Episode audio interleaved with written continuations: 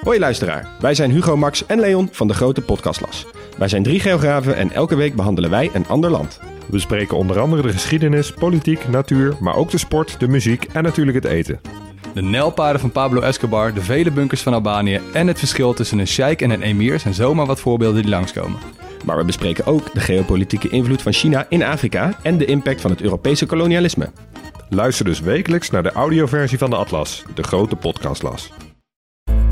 Dit is een serie over voeding en mijn gast vandaag is professor Dr. Liesbeth van Rossum, internationaal autoriteit op het gebied van obesitas. Dit is dus een aflevering over overgewicht en over obesitas in het bijzonder.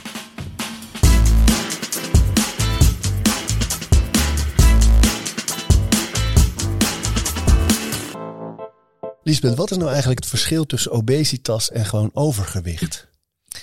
Ja, eigenlijk wordt dat gedefinieerd eigenlijk op basis van de body mass index. Dat is een maat voor je gewicht ten opzichte van je lengte.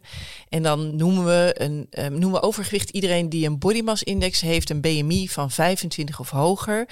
En um, obesitas is gewoon eigenlijk ernstig overgewicht. En dat noemen we eigenlijk vanaf een body mass index van 30 of hoger.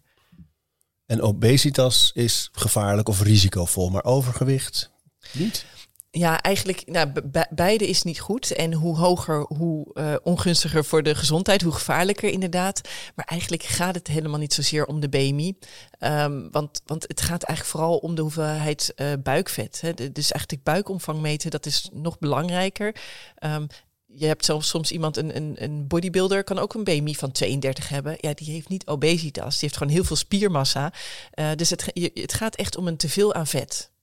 Dat is wat je meet. Ja. En, en als we nu toch aan het uitleggen zijn, je noemt het uh, is gevaarlijker. Um, wat is nou eigenlijk het gezondheidsgevaar bij overgewicht? Ja, nou ja, het probleem is dat um, uh, vet, dat is, een, dat is een orgaan, dat heeft allerlei functies in het lichaam. Maar op het moment dat dat te veel is, dan wordt dat vet letterlijk ziek. er, er, worden normaal gesproken allemaal hormonen ingemaakt. En, um, en ook allemaal stoffen die belangrijk zijn voor het immuunsysteem. En die hebben allemaal functies in het lichaam. In het vet? In het vet. Vet is echt een orgaan. Hè? We kennen een hart en een lever. Iedereen weet dat dat organen zijn, maar vet is dat ook. Daarover straks meer. Ja, ja en heb je, heb je nou te veel, ja, dan, dan wordt dat dus ziek. En dan wat je ziet is uh, niet alleen die hormonen raken verstoord, die communicatie met de hersenen, maar ook allerlei ontstekingstofjes worden extra aangemaakt in dat buikvet. En die gaan eigenlijk via de bloedbaan naar je hele lichaam en naar je brein. En dat heeft tot gevolg dat het allerlei ziektes kan veroorzaken. En daar kennen we natuurlijk best een hele hoop van. Diabetes en hart- en vaatziekten, dat weten de meeste mensen wel. Maar ja, er zijn ook um, 13 vormen van kanker, bijvoorbeeld waaronder borstkanker, darmkanker, die obesitas gerelateerd zijn. Um, ook kunnen die ontstekingsstofjes naar de hersenen gaan, waardoor bepaalde gedeeltes die belangrijk zijn voor je stemming en voor bijvoorbeeld angst en depressie kunnen veroorzaken. Um, maar ook uh, zaken als uh, uh, onvruchtbaarheid of knieklachten. Dus ook mechanisch, hè, gewoon door de druk op, op, op de gewrichten, maar ook, ook weer die ontstekingsstofjes. Ja, en, en um, ook mensen zijn bijvoorbeeld gevoeliger voor een ernstige beloop van infecties. Dat hebben we met corona natuurlijk gezien. 80% op het IC had overgewicht of obesitas. Dus we weten dat er ruim 200 ziektes een relatie hebben met overgewicht. 200. Obesitas, ruim. ja. Zo. Ja. ja. Een vakgebied, hè? Nou hè, ja, ja, ja, een vakgebied. Terwijl het eigenlijk helemaal vaak niet serieus wordt genomen. Wat, wat we vaak doen, zeker, hè, ik werk natuurlijk in de zorg en dan wachten we totdat zo'n ziekte er is, hè, een hartinfarct of kanker, en dan gaan we hele dure behandelingen geven. En ja, er is heel veel leed al geleden, want dat is heel naar natuurlijk als je dat krijgt. Terwijl als je eigenlijk in een eerder stadium al signaleert van ja, dit gaat niet goed met, de, met het vet in het lichaam, en er is te veel vet, om daar dat serieus te nemen wat aan te doen, dat, dat is echt heel erg hard nodig. Hoe komt dat toch? Dat, dat mensen. Nou, ik denk wel dat corona mensen heeft wakker geschud. Hè? De, de corona-jaren noem ik het dan maar even. Dat mensen denken. Oh, wacht even, overgewicht vormt een risico. Iets meer dan daarvoor. Maar hoe kan het dat mensen nog steeds niet goed realiseren dat je zoveel vooraf kunt doen? Ja, ja, ik denk mensen, het, is ook een beetje een sluipmoordenaar. Hè? In, in die zin, uh, het, lijkt een beetje wat dat betreft misschien op hoge bloeddruk. Van je voelt het niet, je ziet het niet. Pas als het complicaties geeft, ja, dan is het mis. En dat is natuurlijk bij obesitas natuurlijk soms ook zo. Als je, uh, met name als het nog mild is, dan hoef je er op dat moment nog niet heel veel last van te hebben. En voelen mensen zich nog uh, gezond. Maar naarmate die, die kilo's erbij komen, ja, dan ga je ook heel vaak allerlei klachten ontwikkelen waarvan niet iedereen de relatie ligt met obesitas. Bijvoorbeeld depressie of depressieve klachten. Um, hè, dat kan ook andersom trouwens zijn. Mensen kunnen ook door depressie, kan ook weer aanleiding zijn om gewicht aan te komen. Maar het kan ook vanuit dus uh, te veel buikvet kan je depressief worden. Maar die relatie wordt niet altijd gelegd. Um, hè, bij sommigen wat makkelijker. Bij knieklachten dan snappen mensen ook wel dat dat veel gewicht op je knieën zet en dat dat een relatie heeft. Maar bijvoorbeeld borstkanker en darmkanker, er zijn heel veel mensen niet van bewust dat dat uh, een, een, een, aanzienlijk deel daarvan uh, samenhangt met obesitas. En het beeld is natuurlijk dat mensen die obesitas hebben of zelfs vormen van overgewicht uh, gewoon te veel eten en slecht leven, ongezond leven. Bijna elk interview dat ik met je vind of zie of uh, lees, uh, benadruk jij dat het veel gecompliceerder is dan dat. Er zijn zes categorieën zelfs waardoor mensen obesitas kunnen hebben. Hè? Ja. Kunnen we die eens langs gaan, alle zes? Ja. ja. Ja, ik denk, nou, je noemt wel meteen de belangrijkste categorie. Want ik zal nooit ontkennen dat ongezonde leefstijl niet de, een van de hoofdoorzaken is waardoor uh, mensen in gewicht toenemen. En wat ook een, voor een heel groot deel verantwoordelijk is voor de epidemie nu die, die er is. Hè. Want meer dan de helft van de volwassenen heeft al overgewicht. Hè. Uh, 40% obesitas. Meer dan de helft van de meer dan de helft volwassenen? Van de, ja, ja, het is echt gigantisch. Het is echt gigantisch. Het is eigenlijk de norm, zou je bijna kunnen zeggen. En als we niks doen, heeft zelfs in 2040 heeft twee derde van de volwassenen overgewicht. Dus, um, over druk op de zorg gesproken. Nou ja, je kan het hebben over alleen maar personeelstekort aanpakken, maar je kan ook zorgen dat mensen gezonder worden. Ja. Maar leefstijl inderdaad is niet de enige oorzaak. Um, als we kijken naar de categorie leefstijl, dan zitten daar verschillende dingen in. Um, kan ik zo nog wel even toelichten. Maar wat zijn dan die andere categorieën? Nou, er zijn ook psychische oorzaken. En denk aan bijvoorbeeld, uh, nou, depressie noemde ik al, maar soms mensen die chronische stress hebben, mensen die een traumatische ervaring mee hebben gemaakt, of soms mensen met een eetstoornis, een binge-eating disorder bijvoorbeeld. Maar stress dus ook. Dus stress veroorzaakt ook overgewicht. Um, chronische stress, kijk, een beetje stress is helemaal prima. Hè? Moet je examen doen, dat is helemaal ja. gewoon goed, wat stress. dat, uh, dat is juist goed. Je kan beter examen doen of beter een 100 meter hardlopen. Alert. Prima, ja, dat is heel goed. Uh, maar als je chronisch te veel stress hebt, dan maak je chronisch te veel aan cortisol. En cortisol is een stresshormoon wat een heleboel doet in het lichaam, maar wat ook zorgt voor een toename aan buikvet. En dat is juist eigenlijk je slechte vet. En het zorgt ervoor dat je meer zin krijgt in allerlei uh, calorierijke voeding. Eigenlijk een soort snacktrek.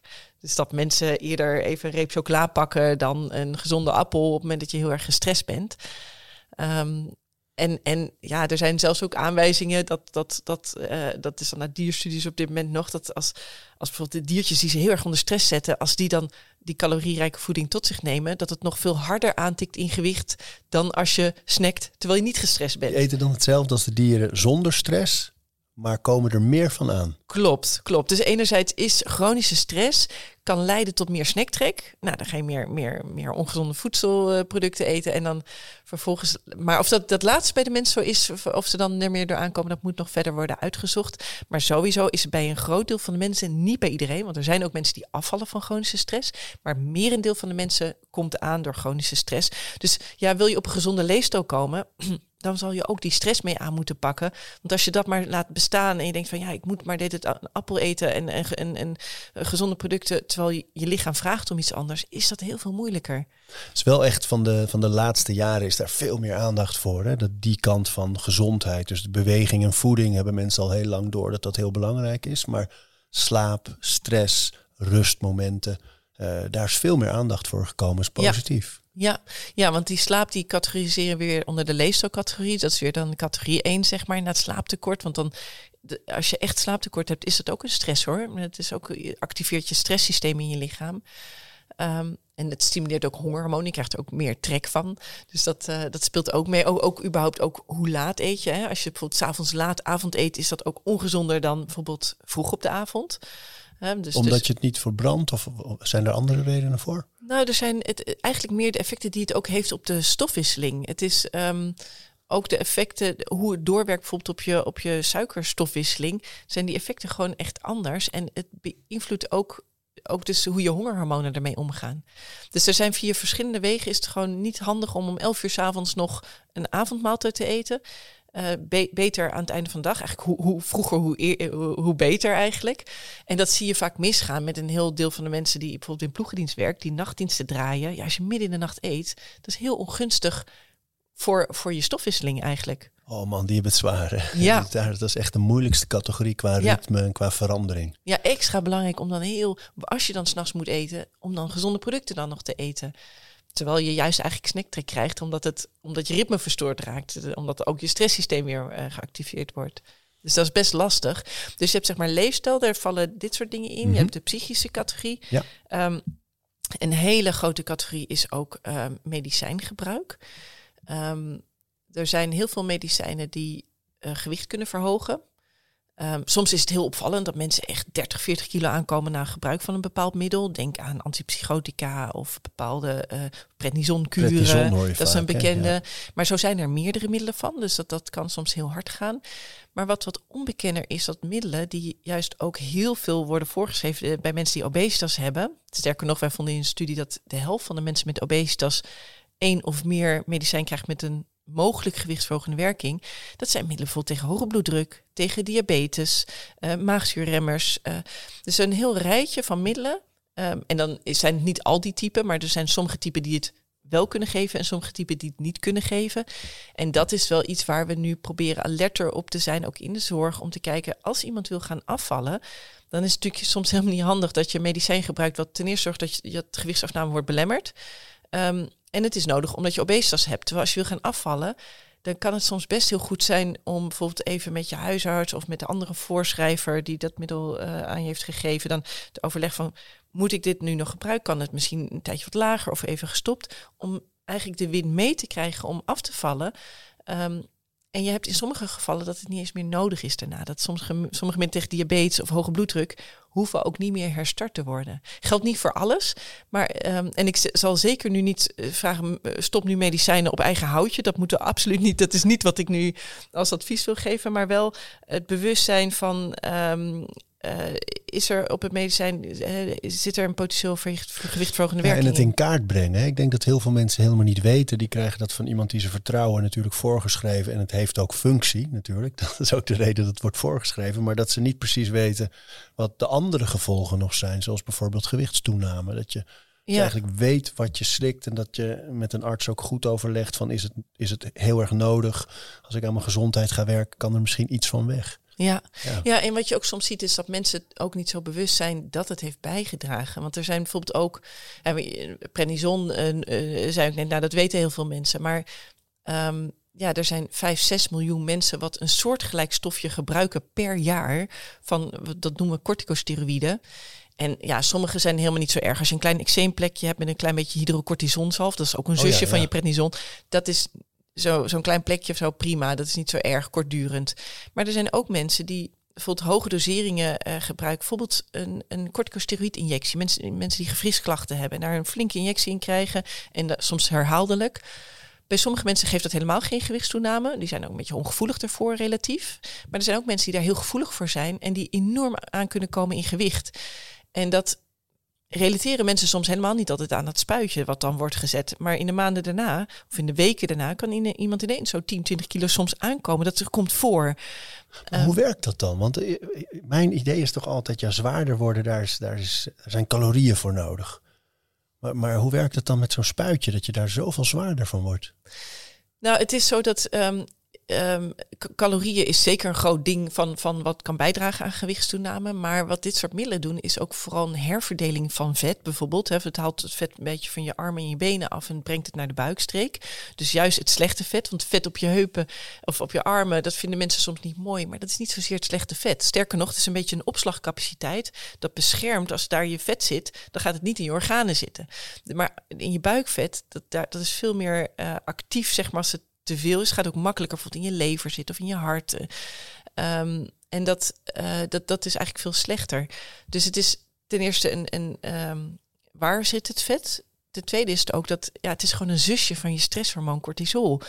Dus het geeft ook bij veel mensen die snacktrek. Dus ja, het is niet alleen je gaat meer eten ervan, maar vooral ook wat je, je voedselkeuze wordt weer anders. Dus weer ga je die chocola kiezen in plaats van die gezonde appel. Dus het werkt via verschillende mechanismen. Mogelijk dat het ook nog op de verbranding wat negatieve effecten heeft. Dus het is via heel veel verschillende mechanismen kan het de stofwisseling beïnvloeden. En per medicijn is dat trouwens verschillend hoe dat werkt op de gewichtstoename. Dit, dit is dan het voorbeeld van de corticosteroïden. Maar het loont altijd de moeite om te kijken, met name als mensen snel in gewicht zijn aangekomen, in één keer 30 kilo aankomen, ja, dat is niet normaal. Dan is er vaak een oorzaak. En uh, ook al krijg je meer eten, dus dan kan je toch kijken, wat, wat, wat is er aan de hand? En nou ja, nu hebben we de categorie medicijnen gehad, categorie 3 is dat zeg maar. Mhm.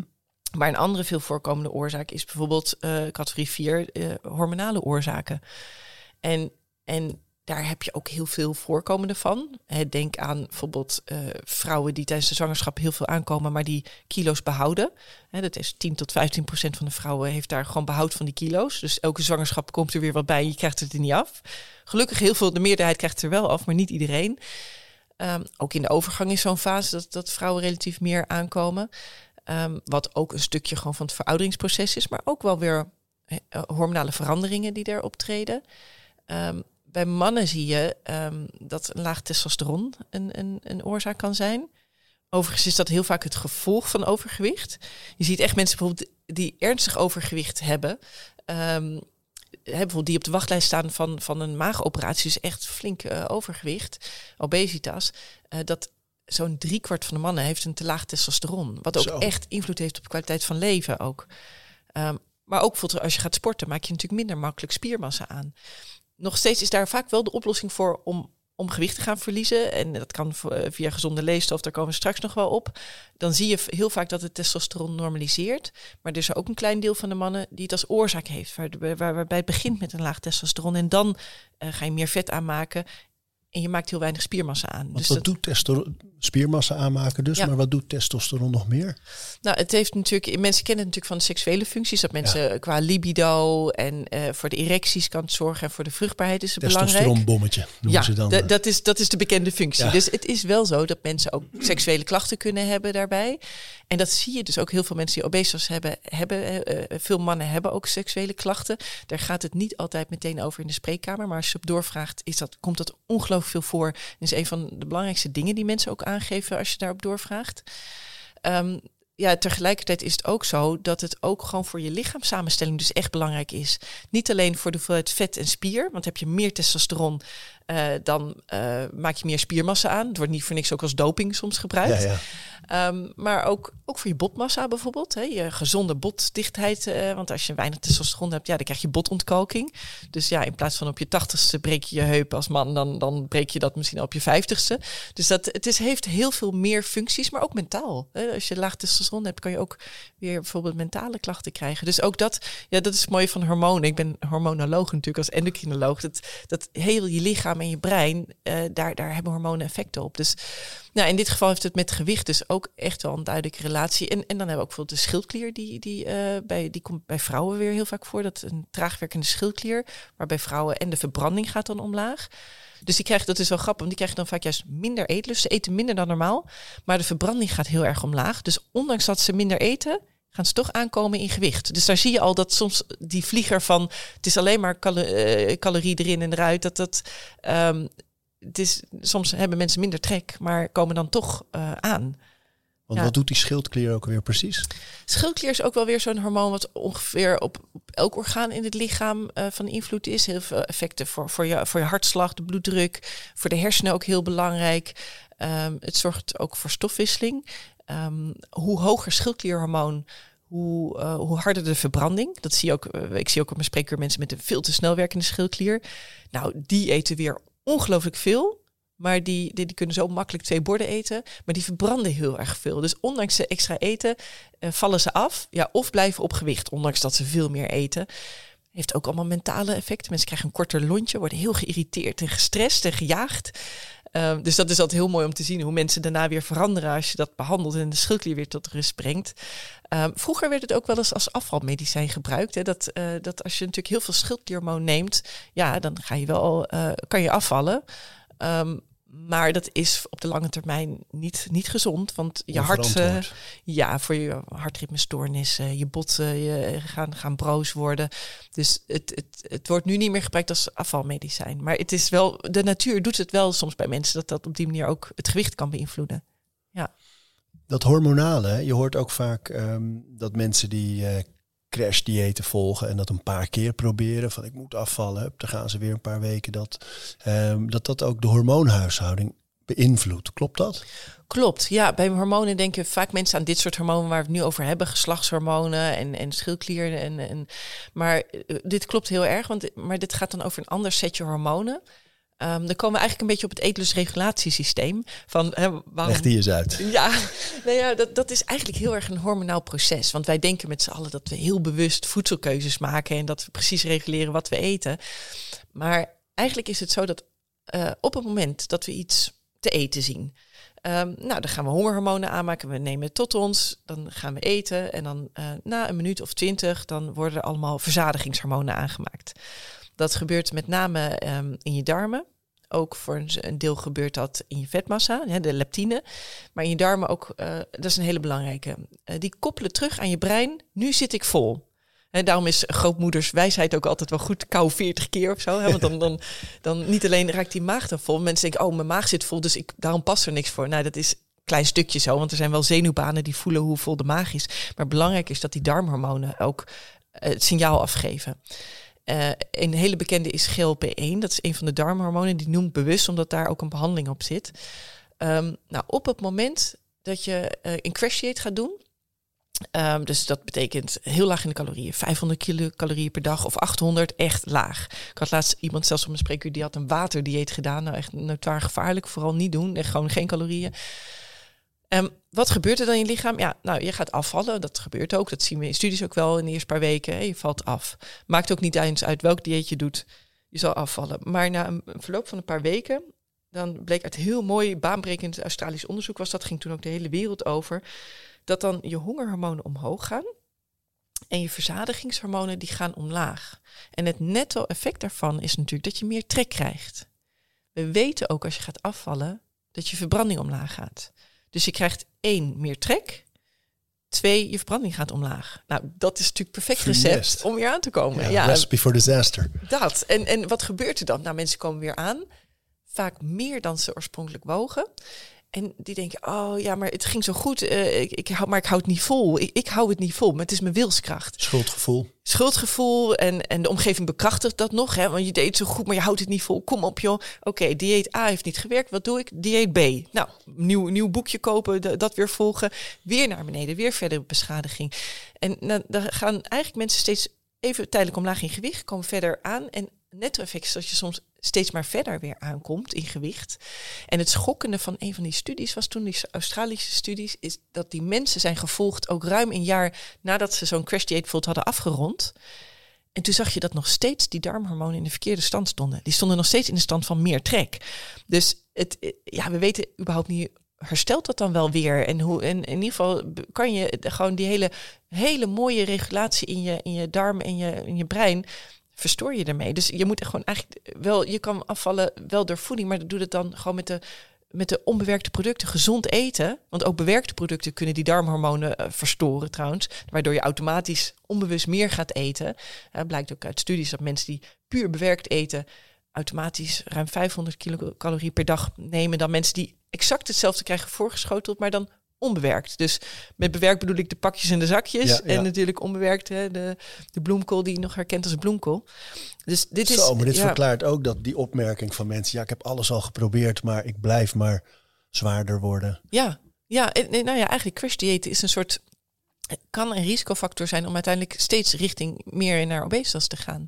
Zou je, is het, ga je zover dat je zegt, je moet eigenlijk gewoon nooit, nooit een crash dieet doen? Nou, de, enige manier waarop een crash wel wat succes kan hebben, is als je het heel kortdurig, kortdurend doet, uh, vlak voordat je overgaat naar een gezonde leefstijl. En dan bedoel ik ook echt gewoon gezond eten wat je vol kan blijven houden. Want obesitasbehandeling is gewoon niet een kuurtje. Dat je het combineert met voldoende beweging, uh, voldoende ontspanning en slaap. Al dat soort dingen. Als je het echt in een hele gezonde leefstijl stopt en je doet het even als, als een soort inductiekuurtje, zeg maar heel kort. Uh, maar als je puur dat doet, en je stopt het daarna weer, je pak je leef weer op. Ja, dat is, dat is echt niet zinnig. Dat is niet zinnig. Dit was een zijpad voor het regulatiesysteem. Uh, we zaten eigenlijk in de categorieën uh, obesitas. Hè, de redenen dat mensen obesitas kunnen hebben. Hormonen hadden we. Ja. Ja, we hadden leefstijl, de psyche, we hadden medicijngebruik en categorie hormonen.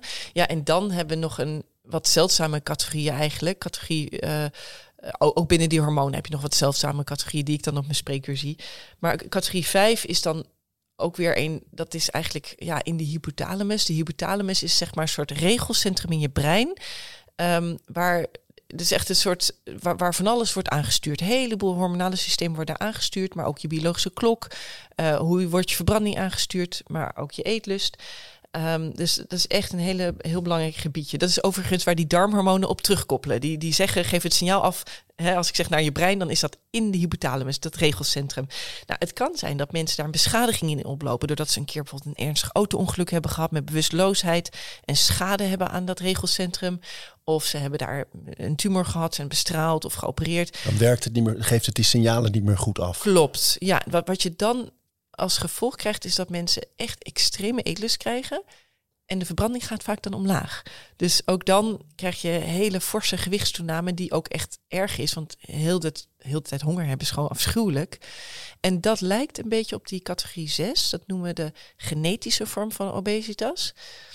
En ehm, ja, genetisch um, moet ik misschien even uh, toelichten. Want ja, ik bedoel eigenlijk, zoals we hier zitten, allemaal hebben min of meer wel een beetje genetisch aanleg tot obesitas wel of niet. Zeg maar grofweg 40 tot 70 procent van kan je überhaupt te dik worden, zit al vast in je genen.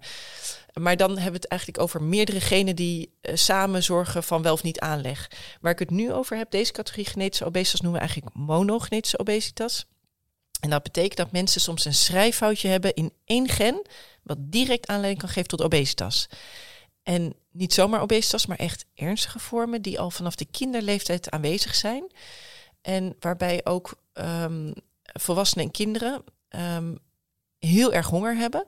En opvallend is vaak dat ze de enige in hun gezin ook zijn. Dus dat iedereen, bijvoorbeeld gezin ook, uh, want als iedereen het is, ja, dan is het vaak toch de leefomgeving dat we met z'n allen te veel snacken of zo'n heel gezin niet gezond leeft. Um, maar als, als echt eentje het heeft en de rest is veel te slank, dan dat, dat is vaak een opvallende. Uh, dat, dat, dat zeker als het vanaf de kinderleeftijd af aan al obese, uh, iemand obesitas heeft. Dus dat is ook een van de vragen die ik in de spreekkamer stel. Gewoon van als iemand obesitas heeft, oké, hoe oud was u toen begon? Uh, sinds wanneer is het? Of is er ook een bepaalde versnelling geweest? Hè? Dat is weer heel verdacht voor medicijngebruik of voor stress of bepaalde situaties. Of, hele belangrijke, sociaal-economische omstandigheden. Soms zijn mensen natuurlijk zitten vol in de schulden of hebben een ongezonde leefstijl omdat ze helemaal niet bezig zijn met leefstijl, omdat ze geen huisvesting hebben. Of, hè, dus sociaal-economisch is ook nog bij de leefstijl een belangrijke categorie.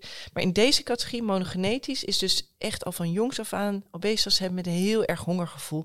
Ja, en daar zien we echt schrijnende verhalen van, waarbij mensen, dit zijn echt mensen die doen echt alles vaak aan leefstijl. Die, die uh, bijvoorbeeld, ik heb van patiënten die dan elke dag sporten. Um, ondanks hun obesitas, hè, wat ook, die hebben ook echt grote Die overwinnen al heel veel. Ongelooflijk, want die worden wel met de nek aangekeken continu uh, als ze dan een sportschool binnenstappen of iets. En van, nou, je moet dus een keer gaan sporten. Ja, dat doen deze al vaak elke ja. dag, omdat ze uh, anders 250 kilo gaan wegen in plaats van 150. Ja, ik denk dat iedere sportschoolhouder zou moeten juichen als iemand binnenkwam. Want dat je gewoon denkt, hey, je bent iets aan het doen. Dat is ja. toch fantastisch eigenlijk. Nou, sowieso eigenlijk inderdaad met iemand met obesitas. Hè? Dat, dat, dat als je de drempel over durft en dat je stelt je heel kwetsbaar op. Want ja, deze en je mensen, bent vastberaden. Ja, ja, ja, ja. Ja, en deze mensen hebben het dan vaak ook echt heel moeilijk. Want überhaupt al, ja, ik, ik, als, ik zelf honger heb, ja, ik heb ook gewoon lekker zin om dan wat te eten. Maar dan als je beseft dat je deed het niet mag eten, want het is niet, je moet maar één bord eten, want je weet dat je met bord twee en drie, als je dat elke dag doet, dat je dan uh, um, uh, steeds dikker en dikker wordt. Dus wat die mensen naar hun hoofd altijd krijgen, dat is echt schrijnend. En gelukkig hebben we voor een aantal van deze mensen, uh, zijn er therapieën, er zijn bijvoorbeeld medicatie die dat hongergevoel kunnen herstellen. Um, en dat is vrij nieuw. Dus dat, dat naast die leefstijl hebben ze echt uh, andere therapieën op nodig. En ja, dit, ik, ik moet wel benadrukken, het is een zeldzame categorie. Die we natuurlijk hier in het Erasmus MC als academisch ziekenhuis zien. Um, maar ze lopen wel rond. En, en toen we onderzoek deden in Nederland bij bijvoorbeeld mensen die zich melden in een gespecialiseerd centrum voor obesitas. Dat um, we zagen dat zo'n 4 tot bijna 9, mogelijk 9 procent van die mensen toch zo'n monogenetische vorm van obesitas hadden. Nog best veel. Dat, ja, dus is wel een geselecteerde groep, want die mensen zoeken al hulp in een gespecialiseerde obesitascentrum. Uh, um, maar dan, het is niet extreem zeldzaam, zeg maar. Dus ja, ze lopen gewoon rond. En, ja. En ik vind het zo, ik valt me op dat jij het steeds hebt over therapie. En daarmee benadruk je eigenlijk ook dat obesitas een ziekte is. Hè? Waar het beeld toch wel een beetje is van, nou, je hebt het uit de hand laten lopen. Het is een, een leefstijl ding en dat kan je ook weer rechtdraaien. Maar je, jij benadrukt echt, het is een ziekte. Er is een therapie, een behandeling voor nodig om het eh, weer enigszins recht te trekken. Of in ieder geval gezonder te maken. Ja, ja het, het, het- de, zelfs de WHO en de Gezondheidsraad hebben het ook echt gedefinieerd als ziekte. En dat is hè? bewust. Ja. ja, en ook echt als ziekte. En als je, waar we het net over hadden, dat vet een orgaan is en dat orgaan is ziek. En die hele communicatie tussen vet en het brein doet het niet meer. Ja, dan moet ik misschien dat nog even toelichten. Want, want niet alleen je darmen praten met je hersenen, maar ook je vet praat met je hersenen. Hè, er worden wel 600 hormonen gemaakt in je vet. En een van de belangrijkste is bijvoorbeeld het, het vethormoon leptine. Dat is echt een beroemde. Ehm, dat eigenlijk wat dat doet, eh, dat is eigenlijk een soort weegschaal in je vet. Eh, dat, dat geeft niet zozeer aan hoeveel gewicht heb je, maar hoeveel vetvoorraad heb ik in mijn lichaam. Dus heb je veel te weinig vet, is je leptine te laag. Eh, maar heb je heel veel vet, dan, dan, dan wordt dat meer. En stel, eh, wij eten even wat te veel. We gaan eh, bijvoorbeeld nou ja, vijf dagen kerstdiners achter elkaar. We, we slaan toch wat extra vet op allemaal. Dan hebben we een mooi beschermingsmechanisme. Want wat, doet er, wat gebeurt er namelijk? Dat dan, dan ga, krijgen wat extra leptine, want we krijgen meer vet. Maar leptine zegt tegen weer die hypothalamus, dat regelcentrum in het brein, van ehm, rem de honger af en zet de verbranding hoger. Nou, handig. Hè? Dus daarom zijn we een beetje in balans, hebben we een setpoint. En daarom met even af en toe wat ongezonder eten, eh, schieten we niet altijd automatisch uit de bocht. Maar eh, op het moment dat je door wat voor reden dan ook obesitas hebt, en dat kan een van deze zes categorieën zijn, kan heel goed ongezonde leefstijl zijn of een combinatie van. Dat zien we nog vaker. Hè? Dan is het stress met ongezonde leefstijl en je hebt ook nog de twee soorten medicijnen en je hebt ook nog een hormoonding. ding. Oké, nou bij elkaar met het pakket, je hebt obesitas ontwikkeld. Nou, dan gaat je leptine fors omhoog. Nou, zou je zeggen, nou mooi, want dan wordt je eetlust geremd en je verbranding gaat omhoog. Helaas, dat mechanisme doet het niet meer. In je hersenen zit namelijk een ontvangertje om dat leptine, de leptine-receptor, om die te ontvangen. Maar door al die, onder andere door al die ontstekingen die in dat buikvet zitten en die ook de, de richting je brein gaan, hè, we zeiden al, je kan depressie ervan krijgen, maar in dit breincentrum zorgt ervoor dat dat, dat mechanisme, dat ontvangertje doet het niet meer goed. Dat is een soort van murf geworden. Dus dat leptine is heel hoog, dat klopt aan, maar het signaal wordt niet De gevoeld. poort gaat niet open. De poort gaat niet open. Nee, het, het, het, het, het voelt het niet. Dus dat mooie beschermingsmechanisme, dat het doet het niet. En het gevolg daarvan is dat heb je eenmaal obesitas, door wat voor reden dan ook, dat je daarna steeds makkelijker terechtkomt in nog meer gewichtstoename. En dat, die, dat, dat, dat dat hele mooie beveiligingsmechanisme is gewoon kapot. En is dat alleen bij obesitas of is dat ook al bij overgewicht? Nou, dat is een hele goede vraag. Want ehm, we zeggen eigenlijk, er is een soort grens van dat dat echt bij echt obesitas vaak is. Maar er zijn natuurlijk ook mensen die in de categorie overgewicht vallen, maar wel al een grens voorbij zijn met echt heel veel vet.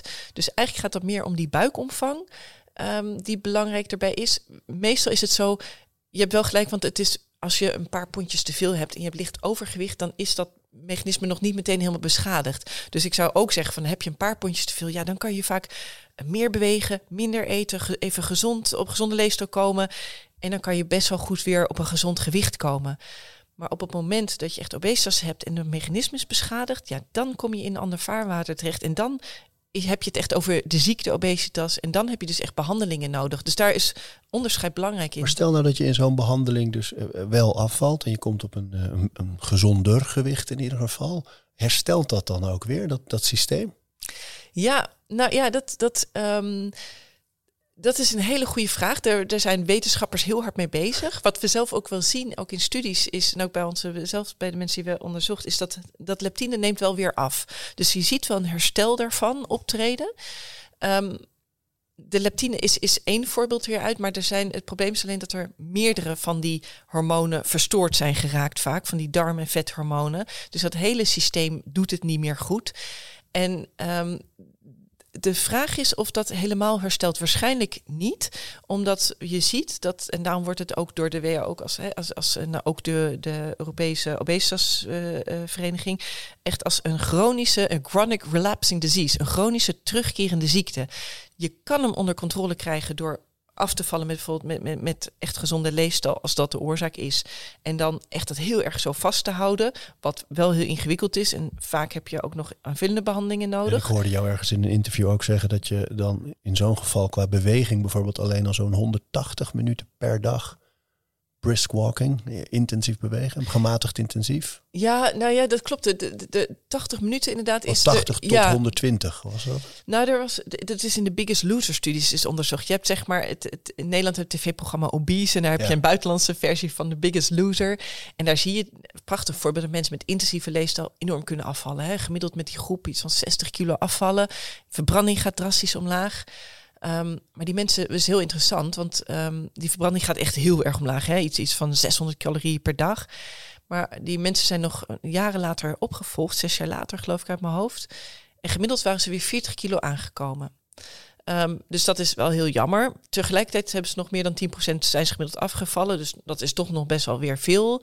Maar je, je moet dan onderscheid maken. Dus er zijn inderdaad mensen die bleven dat verloren gewicht, die, hielden dat eraf. En dat waren inderdaad de mensen, wat deden die anders dan anderen? Die bewogen heel erg veel.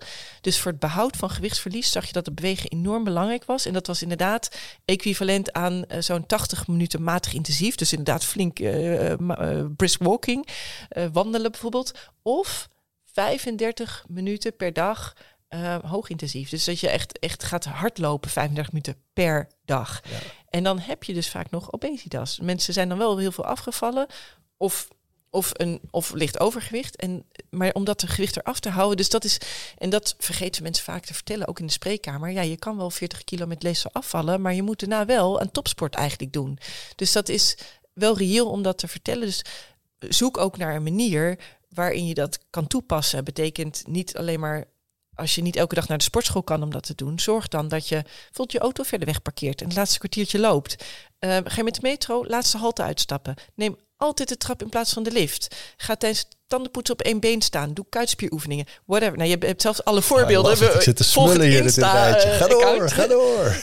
Nee, ik denk die oefeningen die jij laagdrempelig altijd voordoet, dat, dat is natuurlijk wat je in je leven in kan bouwen, dat je van bewegen een gewoonte maakt. En dan kan je het, dan is het reëel. Maar het is echt wel heel veel. En dat besef dat bijvoorbeeld twee mensen die allebei 80 kilo wegen, waarvan er eentje vroeger 130 woog en nu 80 wo- weegt, die moet dus heel veel meer moeite doen dan die andere van 80 Want kilo. het lichaam wil terug. Klopt. Wat is, hoe, hoe werkt dat dan? hè? Dus als je eenmaal ooit zo zwaar bent geweest, dan wil je lichaam eigenlijk terug naar, naar dat, dat zware gewicht, terwijl dat niet natuurlijk is, toch? Ja, nou dit is echt denk ik een heel belangrijk punt wat je nu eh, aanstipt. Want dit is eigenlijk het concept denken van obesitas chronische ziekte. Is inderdaad, heb je het eenmaal gehad, dan kom je er eigenlijk niet makkelijk vanaf. Je kan je gewicht wel omlaag krijgen, maar je lichaam is als het ware geherprogrammeerd, waardoor het lichaam altijd weer terug wil naar het hogere, oudere gewicht. En door dit soort compensatiemechanismen, flink en gezond eten in combinatie met heel intensief eh, bewegen, kan je het eraf houden. Dus het kan wel. Ehm, eh, maar daarom zie je ook dat soms mensen nog in aanvulling daarop bijvoorbeeld, ehm, bijvoorbeeld medicatie nodig hebben. Die eh, onder andere eh, zusjes zijn van die darmhormonen waar we het net over hadden. Waardoor eh, dat setpoint, die herprogrammering van dat lichaam, weer een beetje genormaliseerd wordt. Dat, dat dat makkelijker gaat om op dat afgevallen gewicht te behouden, eh, om dat te behouden. En datzelfde zie je overigens ook bijvoorbeeld met een maagoperatie. Mensen denken vaak, oh maagoperatie alleen maar kan minder eten. Ja, dat is een stukje ervan. Maar ook dan zie je dat die darmhormonen, dat GLP-1-hormoon, eh, dat kan je uit een spuitje geven als medicijn. Hè, dat is medicijn Saxenda eh, ofwel liraglutide, wat nu in het basispakket zit sinds 1 april voor een hele kleine groep. Maar ook ehm, bij maagoperatie zie je dat die hormonen ook wat omhoog gaan. Dus dat setpoint kan je een beetje herstellen door dit soort aanvullende dingen. En ja, je kan er zelf tegen die stroom inroeien door gewoon heel erg intensief in te zetten. Maar ik denk wat, wat je vaak ziet, als je weer terugkijkt naar die twee mensen van 80 kilo, dat die ex-130er, die wordt vaak heel erg met de nek aangekeken door die, eh, diegene die altijd 80 was. Want die denkt, hè, het is toch helemaal niet zo moeilijk om op die 80 kilo te blijven. Je, je moet gewoon, eh, ja, je kan best een keer af en toe eens een keer patatje en gewoon gezond eten. Helemaal niet moeilijk. Terwijl die ander zich in bochten wringt om erop te blijven. Dat is zo oneerlijk. En is dat fenomeen ook zo bij overgewicht?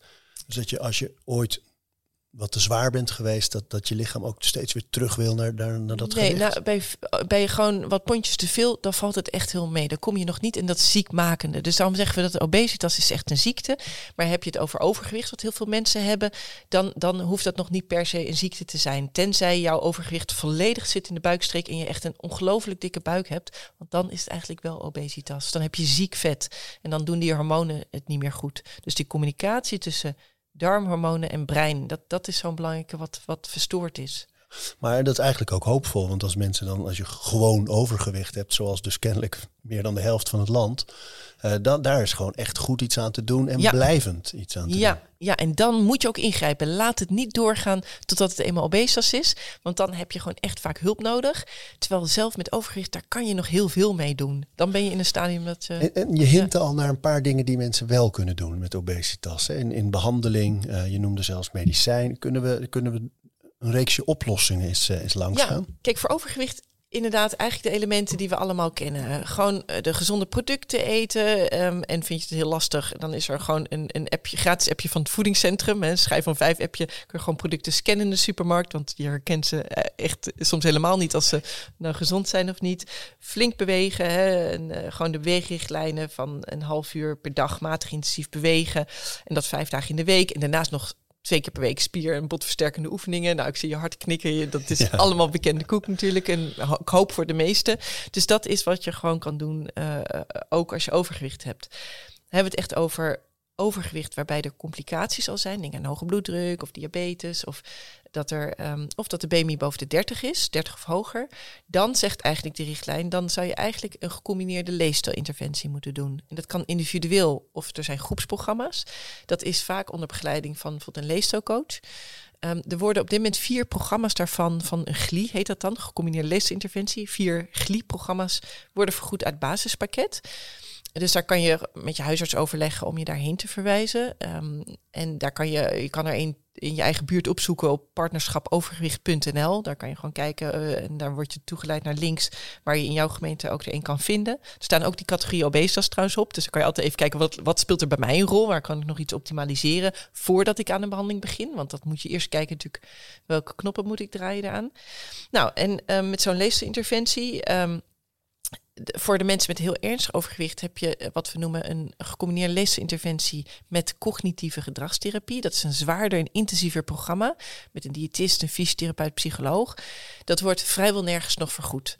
Ehm, wij hebben dat wel eh, nu al jaren in het Erasmus MC draaien voor een hele kleine groep mensen. We, we hopen dat het ooit nog, want het staat wel in de richtlijn dat het op andere plekken gaat komen, maar het is natuurlijk een veel duurder programma.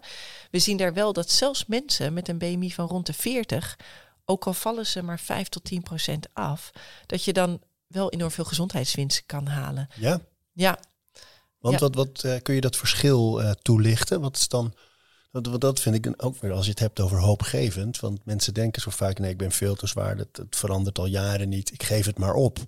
Maar met 5 tot 10 procent gewichtsverlies, dat is, nou stel dat je 130 weegt. Ben jij goed in hoofdrekenen? nou, het hoeft helemaal niet veel te zijn. Nee, maar vaak zie je inderdaad al kilo's, 6, zes, 7 zeven kilo. kilo. Precies, dan, dan, dan, dan zit je al eigenlijk... Wat, wat, wat je ziet is dat, ehm, dat mensen natuurlijk in bloedsuiker en eh, hoge bloeddruk... dat soort dingen verbeteren. Maar wat we ook interessant vonden is dat ze... ehm, eh, de, het immuunsysteem bijvoorbeeld eh, gaat beter functioneren. Dat zagen we al. Je ziet namelijk, mensen met obesitas hebben heel vaak een niet goed functionerend immuunsysteem. Want al die ontstekingen in het buikvet, dat moet als het ware het immuunsysteem opvangen. Dat staat chronisch aan. Eh betekent ook dat als er een bacterie of een virus langskomt, dan is het niet ready genoeg to go. En dat zie je dan bij corona. Dan word je heel ernstig ziek. Je verdedigingslinie is gewoon niet optimaal. Nou, dat zie je al verbeteren. Na een week of tien zagen we dat al eh, verbeteren. En dan gingen we gewoon door met gewoon de schijf van vijf en, en veel bewegen en die cognitieve gedragstherapie. Dus echt gedragsverandering door de gedachten te veranderen. En dan zag je na zo'n anderhalf jaar, zag je dat het immuunsysteem het nog beter ging doen. Eh, maar ook bijvoorbeeld de psyche. Mensen zagen vooraf dat, we, dat ze heel hoog zaten in, in scoorden op de eh, vragenlijsten waarin we allerlei eh, naar depressie eh, vroegen en naar stress. Dat, dat verbeterde allemaal. Kwaliteit van leven nam enorm toe. En wat grappig was, en dat is ook vaak, we kijken heel vaak naar die klinkende kilo's. En dan hadden die mensen vielen bijvoorbeeld uh, ruim 5% af. Dus niet, hè, de, de, inderdaad helemaal niet extreem veel. Maar ze verbeterden wel in lichaamssamenstelling. Dus je zag in vet min 10% met behoud van spiermassa. Want je wil hem niet gewicht verliezen. Je wil vet verliezen. En je wil je spieren behouden of laten toenemen. Want dat is voor je psyche en voor je, voor je lichaam is gewoon ontzettend goed. Dus je ziet mensen gewoon lekkerder in hun vel zitten. En uiteindelijk is dat natuurlijk gewoon ook dat mensen uit een negatieve spiraal komen. Dat ze ineens weer achter de kleinkinderen aan kunnen rennen. Of dat ze weer op de fiets naar het werk kunnen. Of uh, allerlei dingen in het leven waar, of, of bepaalde zingeving wat belangrijk is voor mensen. Dat ze dingen weer kunnen die ze eerder niet konden. Ja, mooi. Je had het over cognitieve uh, gedragsverandering. Hè? Um, en hoe pak je dat dan aan? Wat zijn daar voorbeelden van? Nou, ik denk wat, wat we allemaal misschien wel herkennen, is dat we wel, wel kunnen zeggen van uh, ja, je moet gezonder eten, je moet een salade eten, maar we doen het niet. Waarom niet? Ja, omdat we ons lichaam reageert. Um, en dat is iets, dat kan je met je gedachten beïnvloeden ook. Um, uh, overigens moet ik daar nog even op toelichten, voordat we daar, want die therapie steekt daar ook op in. Het is ook zo dat we, we, hadden het net over ons verzadigingssysteem en die darmhormonen. En dat is een stukje van je verzadigingssysteem. Maar we kunnen daar allemaal prima doorheen eten. Want heel vaak zitten we bijvoorbeeld vol, hè, een grote maaltijd. Maar dat toetje, dat past dan toch, hè? Dat, dan, dan, als het maar heel lekker is, lekker uh, dan blanche met veel chocoladesaus. Ik vind dat heel erg lekker trouwens. Maar um, dat, dat, dat past dan wel. En waarom past dat wel? Omdat dat, dat gaat via een heel ander systeem in je lichaam, het hedonisch systeem. Dat is eigenlijk ook weer op diezelfde hypothalamus. Daar heb je ook een stukje hedo het beloningssysteem eigenlijk. Genot. Dat gaat, ja, genot. Het geeft gewoon een heel comfortabel gevoel. Het gaat via gelukshormonen, serotonine, dopamine, endocannabinoïden. Allemaal stofjes die zorgen dat we gewoon ons ontzettend lekker voelen. En ja, in de huidige maatschappij met op elke hoek allemaal snacks. En, en nou ja, je kan niet zo gek bedenken waar je overal alles kan krijgen. Dat triggert ons hedonisch systeem. Dan zien we chocola, we hebben er zin in, we gaan het nemen. En dat is nog los van of we biologisch gezien echt honger hebben. Nou, op dat soort mechanismen kan je dus insteken ook met gedragstherapie. We maken, helemaal, we maken ruim 200 voedselkeuzes per dag, waarvan het merendeel onbewust is. Nou, op die onbewuste dingen kan je soms ook met gedragstherapie dingen bewust maken en, en, en gedrag anders automatiseren. Door, door bepaalde gedachten. Want stel, we gaan nu even allemaal denken. Stel je nu iets zoets voor wat je heel lekker vindt. Nou, om weer terug te komen. Ja, ik, ik vind bijvoorbeeld uh, chocola met mint vind ik heel erg lekker. He, van die, van die after, eetjes. Ja. Oh, ja, bestaan die nog? bestaan nog, oh. ja. Ja, ik vind het ontzettend lekker. Nou, als ik daar alleen al nu aan ga denken. En, en uh, ja, als je natuurlijk nu aan iets, uh, iets anders lekker vindt, denk vooral even aan, aan, aan iets anders wat je lekker vindt, maar iets zoets. En je gaat er heel erg aan denken.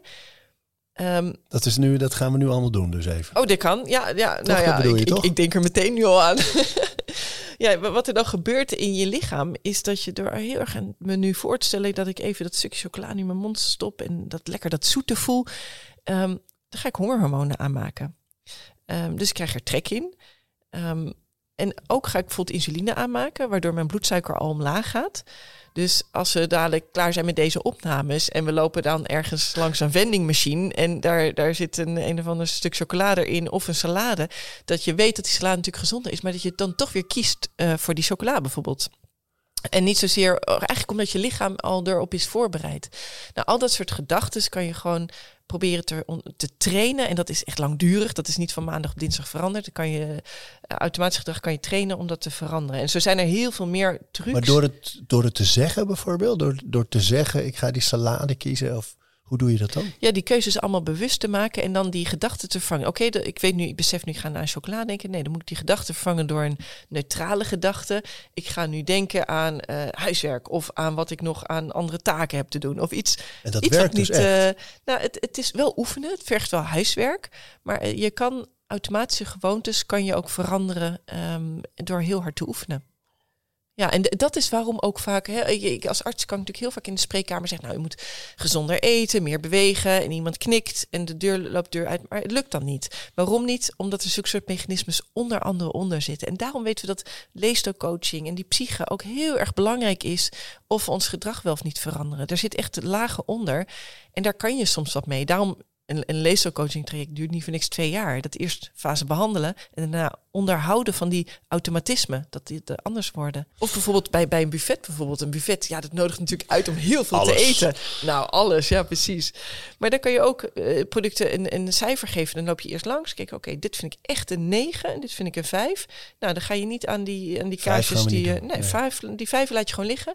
Maar die 9, nou, die, die, die neem je dan en geniet er even van. Want je mag best een keer echt genieten. Ik zal de laatste zijn die, die je verbiedt om een keer een stuk lekkere appeltaart te nemen of zo. En wat zou het nou zijn dat ik nu al weet dat mensen dit horen en denken... ja, maar wie gaat dat doen, jongens? Wie gaat er langs een buffet lopen om cijfers te geven... voordat je die, die, die, die borden vol schept? Ik, ik denk dat daar zit iets bij mensen in hun gedrag en hun gewoontes... dat zo moeilijk te veranderen is. Nou, klopt, want gewoontes zijn wel heel makkelijk aan te leren. Als wij vanaf vandaag besluiten elke dag om drie uur een stroopwafel te nemen, dan op dag vier weet ons lichaam, om vijf voor drie moet ik allemaal hongerhormonen aanmaken, insuline, want stroopwafel komt zo. Gewoontes aanleren gaat heel snel.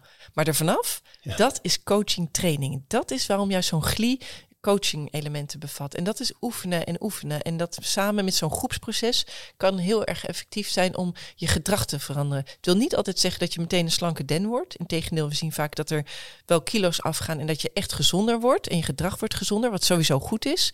Kom je daarmee altijd op een normaal gewicht? Nee, vaak ook niet. Maar je wordt wel gezonder ervan. En het is de basis van elke be- eh, obesitasbehandeling. Ook volgens de richtlijn. Stappen vooruit. Ja, Niet een soort eindresultaat van het moet daar, het moet de norm worden. Nee, ik, zie, ik denk dat mensen heel erg gericht zijn op het gewicht. En dat is echt wel een probleem als je echt obesitas hebt. Ehm, als je dan echt de volgende stappen... Want, want, want wat nou als je obesitas houdt en het doet het niet? Hè? Je hebt je leefstijl helemaal geoptimaliseerd. Je hebt je gewoontes veranderd. Je beweegt genoeg, je eet gezond. Maar je houdt obesitas, wat dan?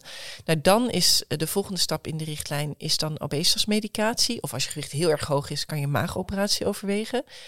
En op het vlak van die medicatie... ja, daar zijn heel veel nieuwe ontwikkelingen op. Ja, En, maar daar eh, heb ik je toevallig de afgelopen dagen weer erg veel over ge- gezien en gehoord.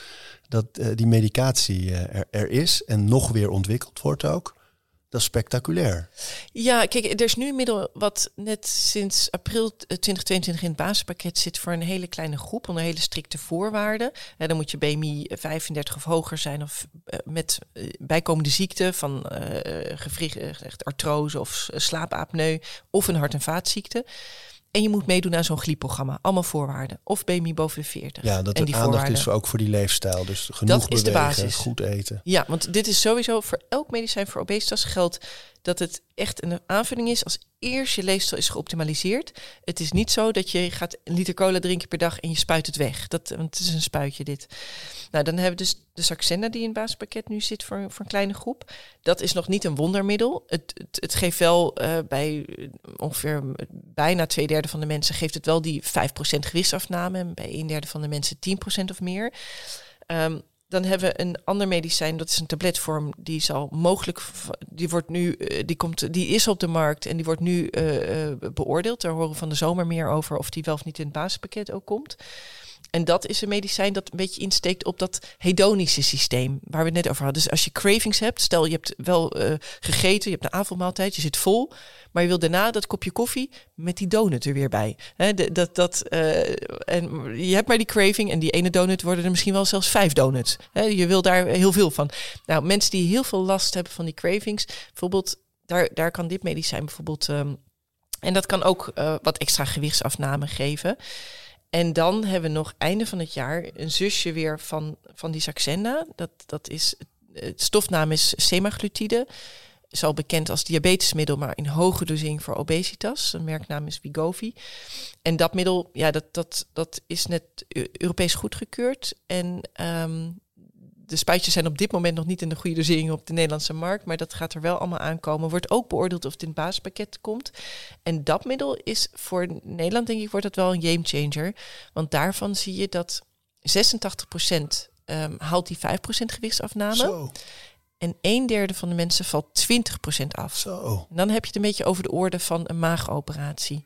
En ook dat is in aanvulling op een gezonde leefstijl. Dus dat, is, dat Ja, vind ik echt... eh, altijd voorop. Altijd. Begint altijd met een gezonde leefstijl. Als dat de oorzaak is. Je hebt natuurlijk soms mensen bij wie dat al perfect op orde is. Ja, dat komt voor. En hebben toch obesitas door een andere reden. Ja, dan kan je natuurlijk eventueel eerder. eh, maar het zit in principe altijd gekoppeld echt aan gezonde leefstijl.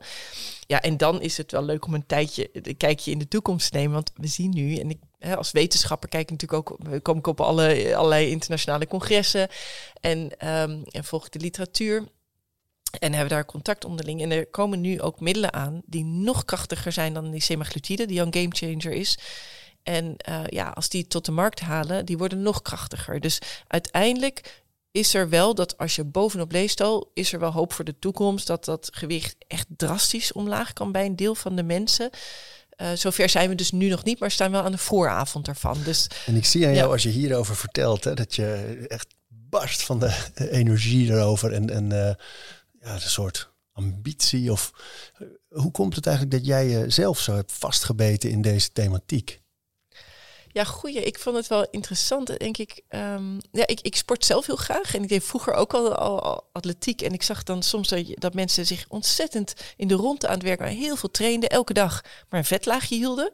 En anderen met veel minder training heel makkelijk spiermassa aanmaakten. Dat je enorme verschillen zag. Ik dacht, ja, hè, hoe kan dat nou? Dat ligt toch ook in bepaalde andere factoren kennelijk dan alleen de leefstijl. En ja, ik, ik, ik had ook vroeger een moeder die, die last wel had van, van obesitas.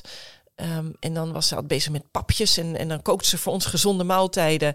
En, en had ze voor zichzelf een van een dieetpapje. Achteraf nu, met de kennis van nu, weet ik, had ze maar niet die papjes genomen. Had ze gewoon met die gezonde maaltijd meegegeten. En achteraf bleek daar een hele andere reden achter te zitten. Maar goed, dan, dat gaf me wel een soort eye-opener van... oké, er zijn soms andere dingen. Toen ben ik in Amerika onderzoek gaan doen tijdens de studie geneeskunde. Ja, en toen leerde ik een hele wereld erachter van biologie van obesitas. Een vethormoon leptine was net ontdekt, ging daar onderzoek naar doen. Nou, en toen dacht ik, ja, het zit zoveel complexer dan wij denken. Wij denken hier allemaal eat less, move more, klaar. Ja, move more en eat less, dat is belangrijk. Maar het lost niet het hele probleem op. Het moet wel gebeuren, maar er, zijn, er is een hele grote complexe wereld onder. En met name heb ik te doen ook met mensen, ook die ik nu dan in de spreekkamer veel zien, eh, zie je, ja, gewoon heel veel tranen, heel veel verdriet wat erachter zit bij mensen die zo hard proberen. En de mensen die het hardst proberen, die doen keiharde crash diëten. Nou, echt afschuwelijk met al die shakes en zo. Ik moet er niet aan denken, eerlijk gezegd. En die willen zo graag, ze doen zo hun best en het lukt niet. En ze worden dikker en dikker. En ja, ik, ik heb daar echt wel... ehm, Heb je een anoniem voorbeeld daarvan, wat je dan, wat je dan hoort? Ja, nou ja, ook dingen dat. Ik, ik had bijvoorbeeld een vrouw op het spreekuur laatst die, die vertelde, die was, was gelukt om voor ze af te vallen. Maar toen ze nog heel erg obesitas had, toen zei ze van nou, ik kwam bij de arts en die richtte het woord alleen maar aan haar man, alsof zij niet bestond. En eh, als er iets werd gezegd, was het altijd onaardig. En op het moment dat ze zo was afgevallen, werd ineens het woord in haar gericht. En ehm, dat, dat, alsof je als mens er niet mag zijn met obesitas, dat je minder waardig bent. Dat voelen mensen ook heel erg zo. Plus ze krijgen allerlei tips. Dat ik hoor heel vaak in de spreekkamer van mensen die eh, was laatst weer eentje die ging gewoon met haar gezin. Eh, eh, lekker naar het strand en eh, mooie dag. En dan ging je, iedereen wilde een ijsje nemen. Maar op het moment dat zijn ijsje, dat deed ze dan nu niet. Want een vorige keer toen ze dat deed, dan kreeg ze meteen naar haar hoofd van, ja, je moet niet de hele dag ijsjes eten. Terwijl ik weet dat dit was een vrouw die een van de beste deed in het leefstijlprogramma. Die zich keurig hield aan de van vijf. Al best een behoorlijk deel was afgevallen. Maar ja, had nog steeds obesitas. En zo ontzettend haar best deed, al heel veel verbeterd was. En dan krijgt zij naar haar hoofd van, je moet niet de hele dag ijsjes eten. Het, het, het leed wat eronder zit, ehm, dat is echt heel groot. Dat is een vorm van discriminatie die geaccepteerd is. Hè? Absoluut. Ik denk dat dit een van de laatste vormen van sociaal geaccepteerde discriminatie is. Over racisme of, of over geloof. Daar hebben we het nog over met z'n allen. Maar hier hebben we het niet eens over. Ja, ook bijvoorbeeld banenkansen. Mensen die obesitas hebben, daar weten we van dat als ze gaan solliciteren, veel minder kans hebben op een, op een goede baan. En al helemaal op een leidinggevende functie bijvoorbeeld. En ook als artsen, dat we discrimineren op basis van gewicht, dat we gewoon minder goede zorg leveren. Als je echt al die literatuur over, over hoe we omgaan met het stigma, dat is echt, echt schrikbarend. Ik vond het zelf ook wel moeilijk in, de, in die afgelopen jaren waar je zoveel berichten zag over overgewicht en corona, die koppeling. Of de, het problematische ziekteverloop dan, ernstig ziekteverloop. ehm, dat elke keer dat je daarover bericht, eh, al heel snel inderdaad er een groep mensen was die zeiden, ja, moeten ze maar afvallen, moeten ze maar gezonder, moeten ze maar minder eten. En een groep die zei, ja, maar ik probeer alles, ik, ik, ik ben ook bang, ik ben bang voor COVID, maar ik, ik kan niet, het lukt Ja. me niet. En dat is ook dus zo. Het is ook, je, er, je kan soms afvallen. Niet iedereen. Niet, sommigen kunnen ook gewoon niet afvallen, omdat er bijvoorbeeld zo'n ziekte onder zit. Maar diegenen die kunnen afvallen, het is gewoon heel moeilijk. En ik denk dat hoe meer we begrip in de samenleving krijgen voor de complexiteit, dat het helemaal niet makkelijk is. En dat mensen steun nodig hebben en juist niet die discriminerende opmerkingen. Dat als iemand. Bijvoorbeeld als iemand naar, de sportschool durft te gaan en die komt de Vondelgym in, dat er steun komt, dat er support is op een positieve manier. En, en niet alleen maar de vetklep gaan en die gewichten hangen en, en wat mensen naar hun hoofd krijgen. Dat, terwijl er zoveel steun nodig is, juist eigenlijk. Ik, ik moet zeggen, ik heb bijvoorbeeld ook een ander spreekuur. Daar zie ik ook mensen met bijvoorbeeld vormen van hormoonkanker. Nou, die krijgen heel veel steun, want die hebben een ziekte en die krijgen support. Die support die krijgen de mensen op mijn obesitas spreekuur helemaal niet. Die worden echt eh, vaak in de steek gelaten en, en nou ja, eh, even, even afvallen. En, en, en dat is in de zorg vaak ook. Ik, ik denk wel voor heel veel ziekten. Het is wel zo dat besproken moet worden, maar op een respectvolle manier. En wat ik zie in de zorg is dat bij heel veel mensen. We hebben hier in het Erasmus MC hebben eens uitgerekend dat er per jaar zien we 84.000 mensen met overgewicht. Die komen voor allerlei complexe ziekten. En we weten dat heel veel ziekten ofwel verergerd of veroorzaakt wordt. Ook van dit soort ziekten die we hier zien door eh, obesitas. En ehm, ja, dat, dat moeten we nu veel meer onderdeel maken van het spreekuur. Daar hebben we ook een leefstijlzorgloket voor opgericht, nu heel recent. Waarbij we mensen kijken van wat zijn de onderliggende oorzaken. Is het leefstijl, leiden we toe iemand dicht in de buurt bij huis voor een, eh voor een. Dus nog heel kleinschalig. We zijn net pas hiermee begonnen. Ik denk wel dat dit de toekomst is eh, van de zorg, dat we dat veel meer moeten doen. Hoe kunnen we gezonde leefstijl onderdeel maken van zelfs de meest complexe zorg? We kunnen heel vaak zien we al in praktijk dat je gewoon soms de helft van de medicijnen kan schrappen, omdat leefstijl een stukje vervangt ervan. Ja, En dat je ook, ja, we hadden het voordat we begonnen over een collega van je, Joost Klaas, eh, het academisch ziekenhuis in, Ut- in, eh, in Groningen. Groningen, ja. Ja. ja. Ehm, en die ook zegt van, eh, die heeft nu een programma waarbij die mensen eigenlijk een soort laat trainen naar een operatie toe, omdat het herstel en de complicaties gewoon allebei herstel beter, complicaties minder zijn als je gewoon beter die operatie ingaat. ja. Mensen kunnen zoveel vooraf doen. Hè? Absoluut. Dit is precies eh, onderdeel van dat concept. Dat je veel meer, dat, dat is als voorbereiding op de operatie. Eh, Dat is echt een hele mooie. En ook voor de alle chronische aandoeningen. We hadden zelfs hier ook een patiënt die dan een, een, een, een, een zeldzame ziekte heeft. En die was dan echt flink afgevallen met leefstijl. En die gebruikte medicijn wat heel veel geld kost. Ruim 5000 euro per kilogram lichaamsgewicht. En ja, dan, dan als iemand afvalt, wat we ten eerste zagen, is heel veel gezondheidswinst. De longfunctie deed beter, eh, eh, hart, eh, beweging. Ze, dus ze kon ineens weer anders. Ze kon weer fietsen met haar dochter. Bijvoorbeeld, dat is voor haar echt heel belangrijk. En vervolgens hebben we echt tonnen per jaar bespaard aan dat medicijn wat niet meer, wat, wat in laag dosering nodig was. Dus dat zal niet bij alle ziekten zo zijn. Ik denk niet dat je altijd per se eh, de gezondheidskosten altijd omlaag brengt, maar voor een deel ook wel dat je gewoon minder medicijngebruik nodig hebt, maar vooral dat je ontzettend veel gezondheidswinst kan boeken. We- we- Wij als artsen zijn helemaal niet opgeleid om leefstijl als onderdeel te maken van de zorg en daar is zo'n wereld te winnen. Er is wel steeds meer aandacht voor, hè? in de opleiding ook, toch? Ja, dat komt langzaam en de studenten hebben er ook zelf om gevraagd. Ja, Daar goed. hadden een hele cursus langs de, naast het curriculum om studenten leefstijl, wat in alle eh, faculteiten geneeskunde nu in het land is. Maar dat is echt wel eh, beetje de arts van de toekomst. Ja, Ja. mooi hoor. Ja, Ja. Je noemde net allemaal dingen die mensen kunnen doen eh, als ze overgewicht of obesitas hebben om zelf eh, ook, ook een beetje veranderingen door te voeren. Hè? En je noemde eerder ook die site, eh, partner, wat was partnerschapovergewicht.nl. En er was nog een site die je voordat we begonnen ook noemde. Ja, op over, eh, dus op overgewicht.tv komt ook informatie voor leken en obesitasplatform. Ja, obesitasplatform.nl. Daar, daar zijn allemaal sites waarin informatie nu komt. Dat is allemaal recente informatie, nieuws van waar mensen betrouwbare informatie kunnen vinden. En er is net ook een nieuwe eh, voor obesitaspatiënten een vereniging. eh, eh, Nederlandse Vereniging voor Mensen met Overgewicht en Obesitas. Dus ook allemaal net. Dus er zijn echt ontwikkelingen waarbij we dat serieuzer nemen, meer hoe je dat effectief kan doen. En tegelijkertijd moeten natuurlijk aan de overheidkant, hè, de primaire preventie, zorgen dat niet iedereen overgewicht gaat ontwikkelen.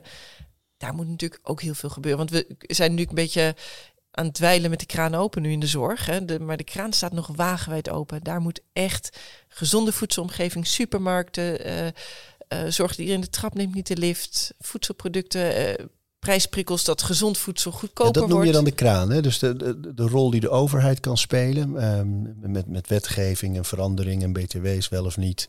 eh, gezond leven eigenlijk meer toegankelijk maken. En ongezond leven minder toegankelijk. Klopt. Dat is de kraan, zeg je, die moet dichtgedraaid worden. Dat is vooral een overheidstaak. Ja, En dan is het bad nog vol. ja precies. Dat is, dat is precies de combinatie die nu is. De kraan staat wagenwijd open. Er komen er elke dag nog mensen met overgewicht bij. Maar de, het bad is al vol. Dus ruim de helft van de Nederla- Nederlanders heeft natuurlijk al overgewicht. En stel nou dat het... ehm, dus dat bad moeten we actief leeg laten lopen. Want stel nou dat we die kraan helemaal dichtzetten. Stel in de ideale wereld, nou de eh, supermarkten zijn vol, gezonde producten, allemaal schijf van vijf en nog ook heel lekker ook. En iedereen neemt de trappen niet de lift, de fietsen niet de auto. Alles is zo ingericht dat de default is, we leven gezond. Dan nog, als die kraan dicht staat, dan nog is het bad al vol. En die mensen met een paar pondjes te veel, die zullen er wel mee afvallen. Maar de mensen met obesitas, door die herprogrammering van dat lichaam, die zullen daar niet zomaar op een eh, gezond gewicht van komen. Dat is de reden waarom mensen daar intensief wat z- nog extra aan moeten doen met zo'n gecombineerde leefstijlinterventie. En als dat dus onvoldoende effect heeft, dan soms eh, medicijnen of een maagoperatie, omdat het lichaam geherprogrammeerd is. En wat je vaak ziet, dat dat vermengd wordt in die discussie van het moet of-of gebeuren. Van oh, iedereen moet een leefstijl en alles individuele ver- verantwoordelijkheid. Ja, je hebt een stukje individuele verantwoordelijkheid en een stukje wat soms in de zorg ligt als het niet lukt. Ehm, en, en een stukje wat gewoon de overheid moet doen. En het is, de, kraan doet de overheid, bad leeg laat lopen in de zorg en een stukje individueel. En pas als je en de kraan dichtzet en de bad leeg laat lopen, ja, dan kunnen we in Nederland problemen oplossen. En ik denk wel dat we als een van de weinige landen daar potentie voor hebben omdat we een land zijn, we hebben een Nationaal Preventieakkoord, wat overigens nog lang niet genoeg is. Ik ben zelf mede-ondertekenaar en wisten meteen al dat het bij far niet genoeg was. Dus daar moet echt een 2.0 en moet veel beter. Maar goed, dat is een stukje kraan dichtzetten. En als dat bad leeg wordt gelopen, we zijn ook een van de weinige landen in de wereld. Heel veel landen hebben alleen maar opereren. Er zijn weinig landen die een, een gecombineerde leefstijlinterventie eh, aanbieden. Sommige landen bieden los medicatie aan. Maar als je en leefstijlinterventies en ehm, eh, medicatie en die maagoperatie, is het hele palet. En er ontbreken nog een paar schakels nu, maar die eh, komen steeds meer. Ja, dan kan je bad leeg laten lopen ook. Dus er is potentie in Nederland. Ik denk dat er wel hoop is. Mooi hoor. Heel veel van deze dingen staan in dat fantastische boek dat je samen met Mariette Boon gemaakt hebt. Vet belangrijk.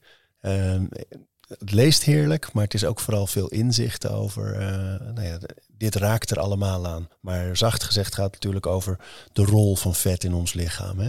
Wanneer is het verkeer- verkeerd of te veel, maar wanneer is het bruikbaar, wanneer is het noodzakelijk? Ehm, absoluut een aanrader, want daar staan ook best veel tips en tricks al in. Ja, ja, dankjewel. Ja, we hebben net samen met Mariette Boon, zij is ook arts en ook Elf landen wetenschapper. inmiddels vertaald. Ja, klopt. Internationale bestseller. Ja, Hoe noemen ze het in het Engels eigenlijk? Eh, in het Engels is fat the secret organ. Ah. Ja. Ja. het is al iets wetenschappelijker. Vet Ja. belangrijk is ook zo'n lekker catchy titel. Nou, we hebben ook echt gedacht, er is zoveel bekend in de wetenschap. ehm, en, en zo weinig bekend, iedereen gaat maar op dieet. Terwijl dat niet eens in de richtlijn staat als obesitasbehandeling. Je moet gezond eten, dat wel. Maar goed, dus al die wetenschap die bekend is, dachten van, nou, dat moeten we toch een keer vertalen op een manier dat mensen eh, gewoon in verhaaltjes dat je het kan snappen en voorbeelden. Hoe werkt nou het lichaam en wat kan je wel doen om op een gezonder gewicht te komen zonder op dieet, maar op een gezonde manier. Ja, Dus eh, ja, aanrader. dankjewel. Lisbeth, dankjewel. Graag gedaan.